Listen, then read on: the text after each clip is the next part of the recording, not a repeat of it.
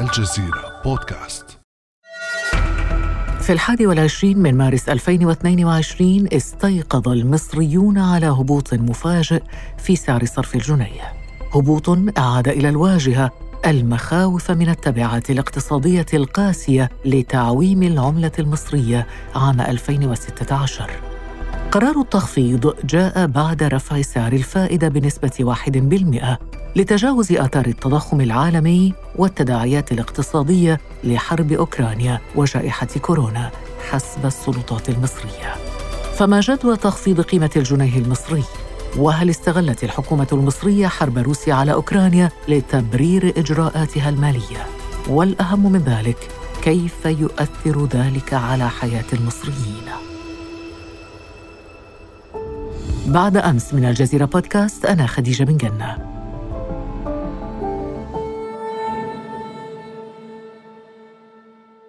أسعد في هذه الحلقة باستضافة الخبير الاقتصادي الدكتور مصطفى شاهين مدرس الاقتصاد بكلية أوكلاند الأمريكية. صباح الخير دكتور.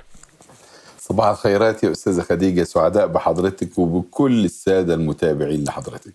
ونحن سعداء أيضا بك دكتور مصطفى شاهين ولنبدأ في البداية بأسباب تخفيض الجنيه المصري، الجنيه يحتضر، ما الذي أوصله إلى هذا الوضع دكتور؟ لماذا لجأت مصر إلى تخفيض سعر آه، صرف الجنيه؟ أه سؤال حضرتك ده مهم جدا للغاية أه لدارس الاقتصاد بصفة عامة أي عملة في العالم بيتوقف سعر العملة حسب الطلب والعرض عليها.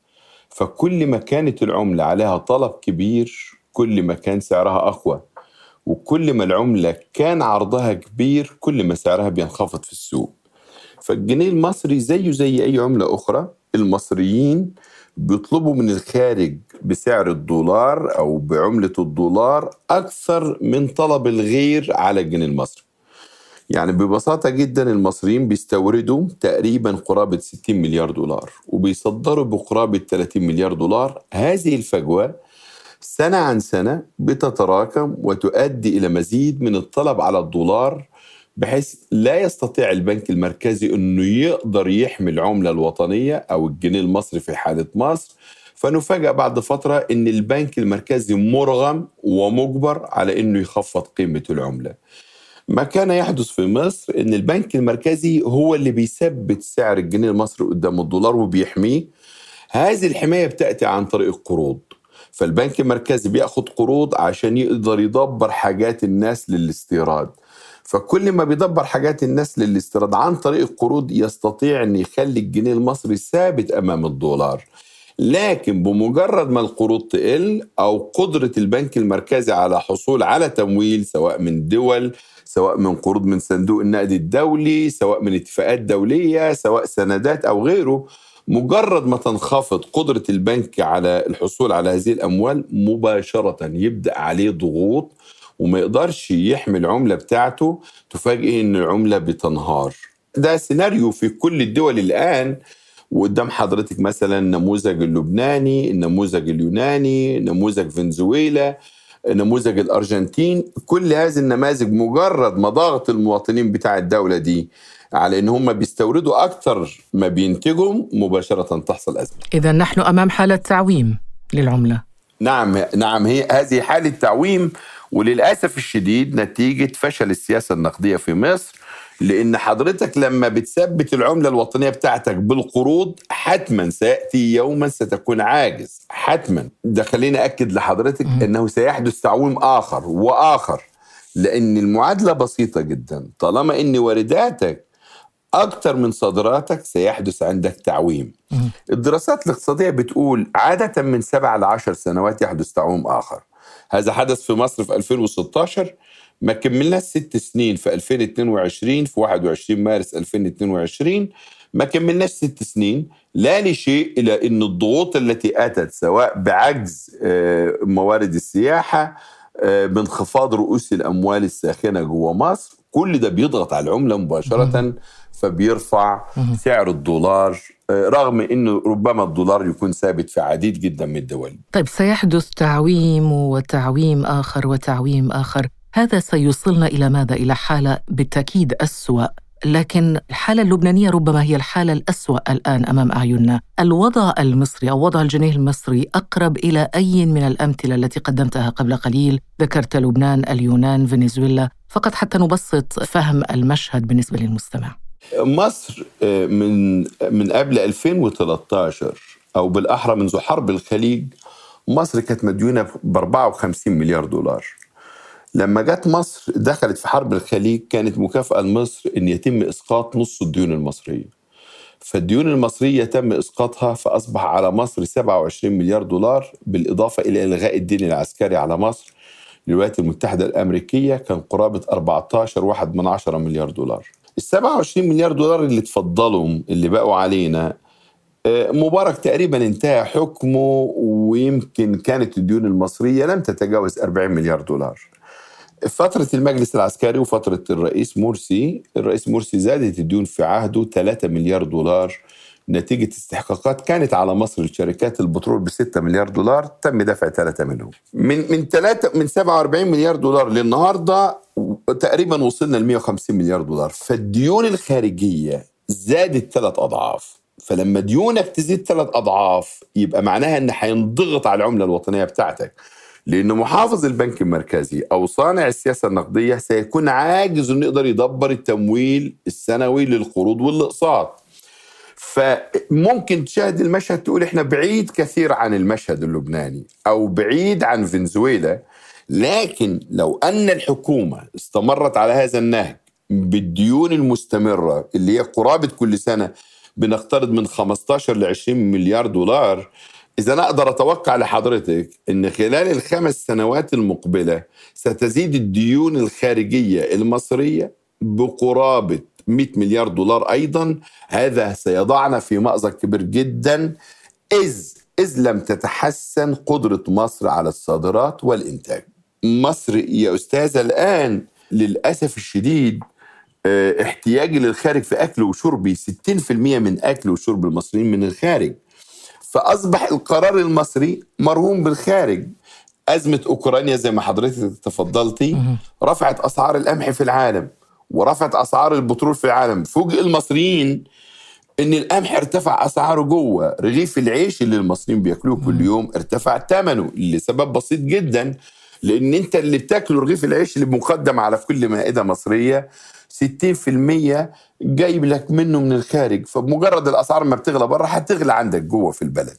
ده ومش كده وبس. انت لما الدولار هيغلى عندك هتلاقي كل الأكل والشرب هيبدأ سعره يزيد ثم هيبدأ موجات أخرى أكثر في التزايد لأن التضخم بيبدأ يحصل عنده بيسموه creeping inflation بيبدأ يزحف التضخم في السوق كلها. بالضبط. وهذا بالفعل ما يشتكي منه المواطن المصري. دعنا نستمع مع بعض دكتور مصطفى شاهين لآراء الشارع المصري للمواطنين المصريين. ماذا يقولون؟ وبعدين الحاجات غالية قوي يا أخويا بره ما نعرفش مين اللي بيغلي بقى التجار ولا إيه؟ السكر والرز والسمنة ارتفاعها جامد قوي هي والزيت. يعني أنا لسه ما نفس الأسعار تقريبا من حوالي 10 أيام أو أسبوعين. هي نفس الأسعار ما اتغيرتش. يعني ما فيش حاجة جديدة لسه. أربع سندوتشات اهم فطار الغلابة يا حكومة بقى ب 20 جنيه. ده فطار بس. أربع سندوتشات من غير سلطة من غير مخلل من غير أي حاجة ب 20 جنيه. ده فطار بس. مش كل الناس أغنياء ولا كل الناس معاهم. الغني هو الله. إحنا ما بنلاقيش يومنا. ريقنا نشف. ريقنا نشف. حسبي الله ونعم الوكيل. إذا دكتور مصطفى المواطن المصري هو الذي يدفع ثمن هذا الإجراء التخفيض الجنيه المصري. طبعا طبعا المواطن المصري أصبح في وضع صعب جدا. لأن خلي بال حضرتك أما أنا أقول في مصر 4 مليون موظف حكومي في دولاب الحكومة وقلنا متوسط عدد أفراد الأسرة في مصر أربع أفراد. فحضرتك بتتكلم عن 16 مليون مواطن دولت بياخدوا مرتب ثابت. زيادة الأسعار في مصر الحكومة بتقول إنها زادت في 10% وحتما الأسعار في مصر زادت بأكثر من 10% وأنا ضربت لحضرتك مثال بسيط على موضوع زي الحديد أو الدقيق أو القمح بالنسبة للناس البسيطة. فزيادة الأسعار يا أستاذة لما تكون أعلى من زيادات الأجور والمرتبات والدخول الحكومة زودت 13% لبعض الفئات في المجتمع خاصة اللي بياخدوا مرتبات من الحكومة. القطاع الخاص مش هيقدر يزود المرتبات. أصحاب المعاشات في وضع صعب لأن المعاشات أصلا ضعيفة. فمباشرة يبدأ يحصل عندك ما يعرف في الاقتصاد بانخفاض القدرة الشرائية بتاع الناس. فيبدأ الراجل اللي كان بيشتري 4 كيلو لحمة في الشهر يشتري 2 كيلو لحمة. يبدأ الراجل اللي كان بيفسح أولاده هيوقف فسح الأولاد. يبدأ اللي كان مودي أولاده في مدارس خاصة هيلغي المدارس الخاصة.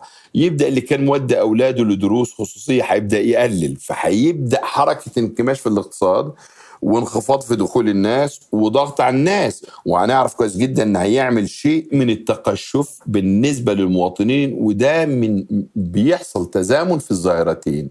اللي هي ظاهرة التضخم مع ظاهرة البطالة لما يحصلوا الاثنين مع بعض ما تعرف بظاهرة الركود التضخمي يبدأ مباشرة تعمل انعكاسات أسوأ للأسف. نبدأ نخش في حلقات مفرغة.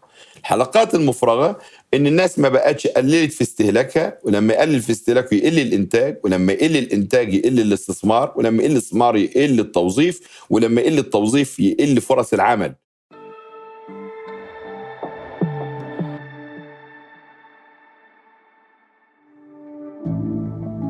على تواصل مستمر مع الجزيرة بودكاست ولا تنسى تفعيل زر الاشتراك الموجود في تطبيقك لتصلك الحلقات يومياً.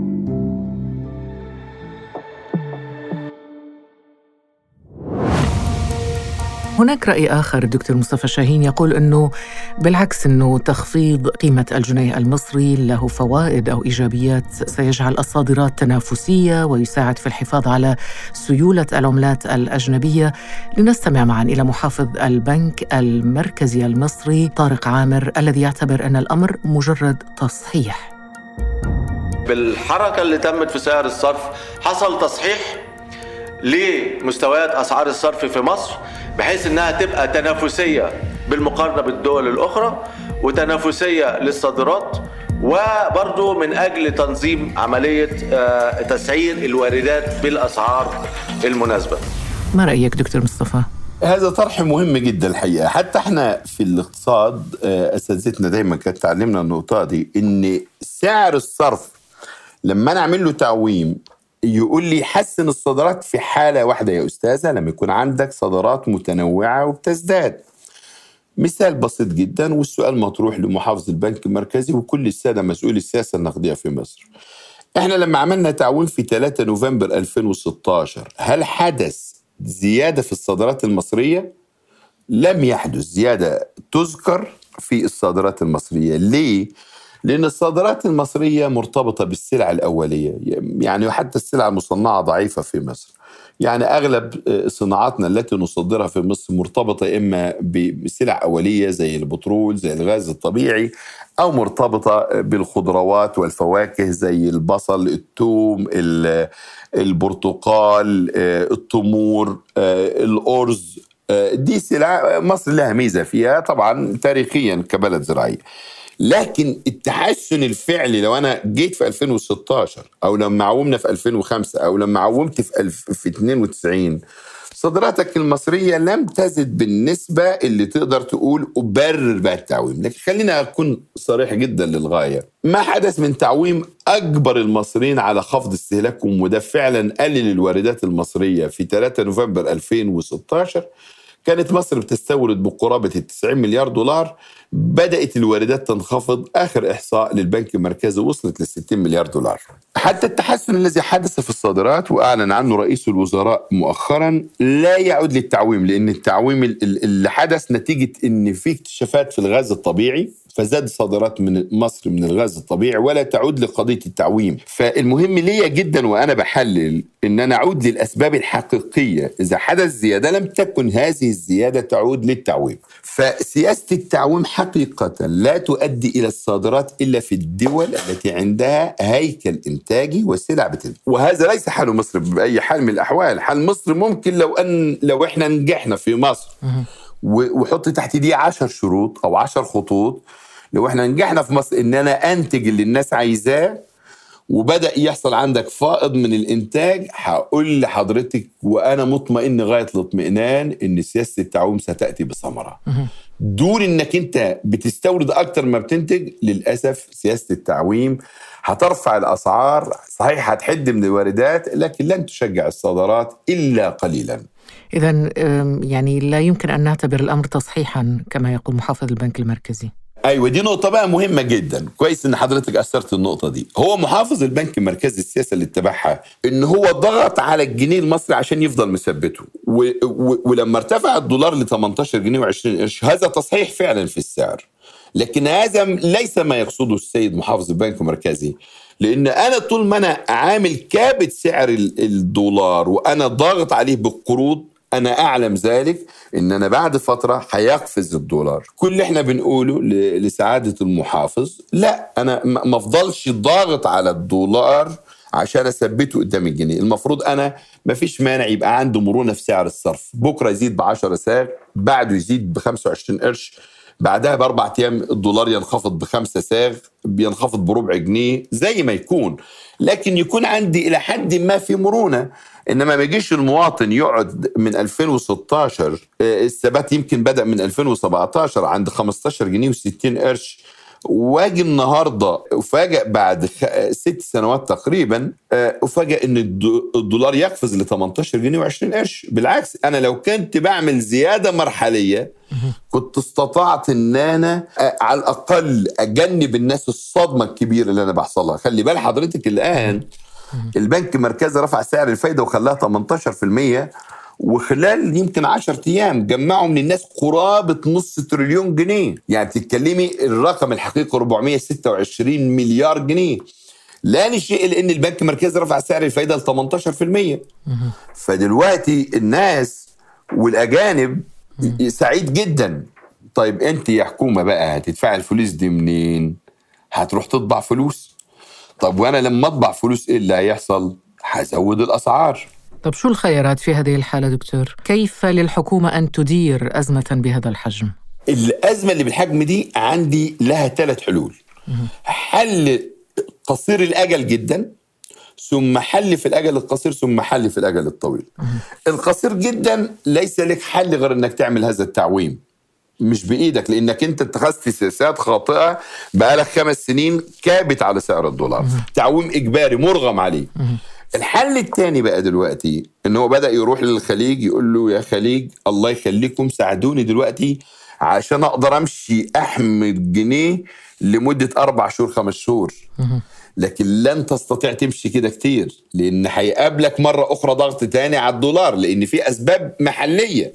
اللي هو أنت ما عندكش إنتاجك ومش كده وبس ده أنت 100 مليون نسمة وكل سنة أنت بتزيد ب 2 مليون فأنت عندك عوامل داخلية هتزود الطلب هتزوده حتما لا لا نقاش فيها. لكن يخفف دكتور ألا يخفف الدعم المالي القوي للدول الخليجية الإمارات السعودية؟ نعم هي ستخفف لكن خلي بال حضرتك انت بتسكن المرض انت ما عالجتيش المرض. لكن الحلين القصير الأجل والمتوسط هيقابلك فيهم عقبة أيضا في المستقبل. قضية الديون اللي أنا هاخدها سواء من الخليج أو من صندوق النقد الدولي أو إن أنا أطرح سندات دولية. ده في المقابل بعد فترة هأفاجئ إن الدين الخارجي المصري هيزيد.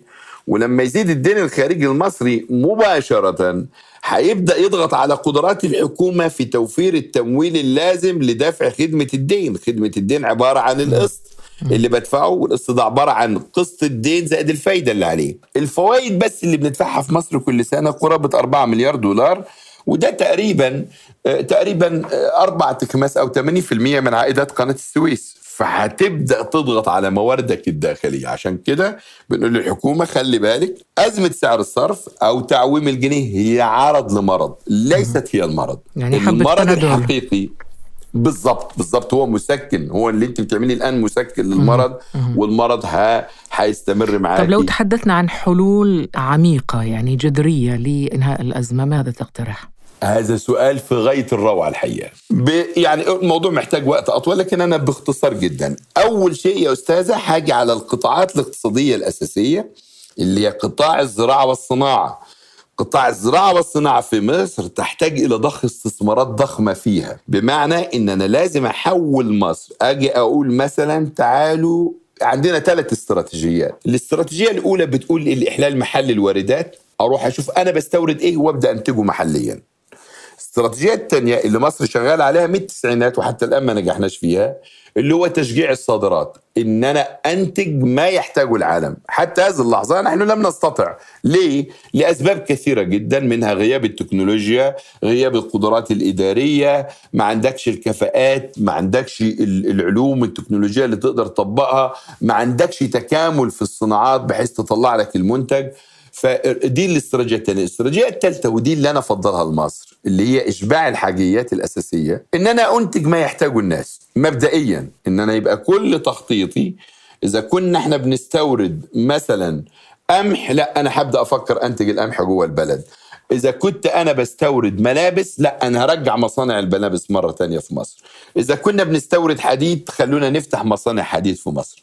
بهذه الاستراتيجية إذا أنت عملت كده فأنا أضمن لحضرتك إن أنت ستقلصي ال- الاحتياجات بتاعتك من السلع ال- الأجنبية. يعني تكتفي ذاتيا وتصدر نعم هذا هذه هي الخطة طويلة الأجل اللي تستطيع الدولة تعملها تستطيع تنجح في كده. هذا شرح جميل وعميق ومفيد جدا. نشكرك عليه دكتور مصطفى شاهين الخبير الاقتصادي ومدرس الاقتصاد بكلية أوكلاند الأمريكية. شكرا جزيلا لك دكتور.